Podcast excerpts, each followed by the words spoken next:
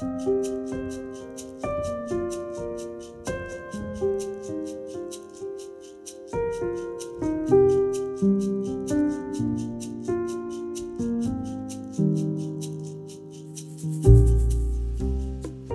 lyttere. Jeg har sjelden vært så takknemlig for å kunne feire 17. mai som i år.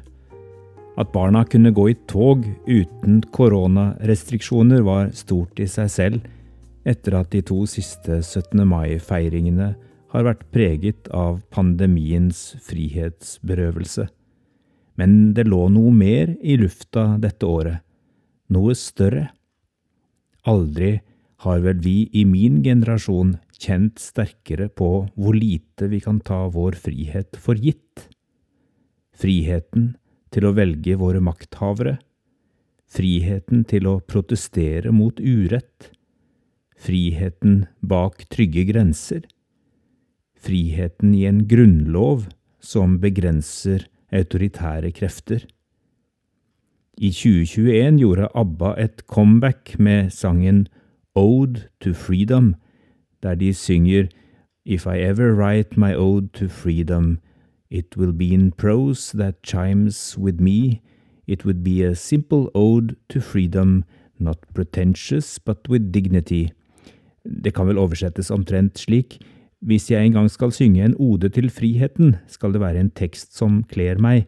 Det skal være en enkel ode til friheten, ikke pretensiøs, men med verdighet.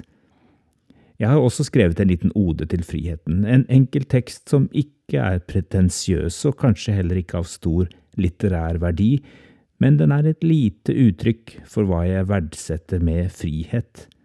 Så her kommer min lille ode til friheten. Jeg er fri til å tale, du er fri til å le. Jeg kan mene noe på Twitter, du kan trekke på skuldrene.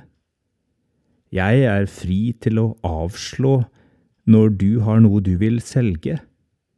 Du er fri til å fri til henne.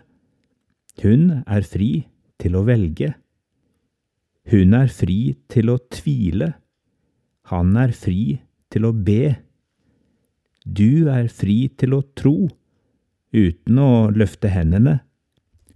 Hun er fri til å si, jeg bestemmer i eget liv mens jeg er fri til å si jeg tror på et større perspektiv, for langs livets landevei takker jeg for lover og rekkverk som beskytter meg.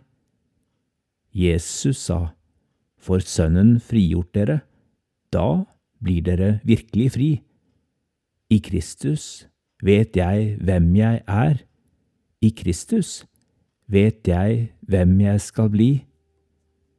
Jeg synger en ode til frihet, i takknemlighet for 17. mai.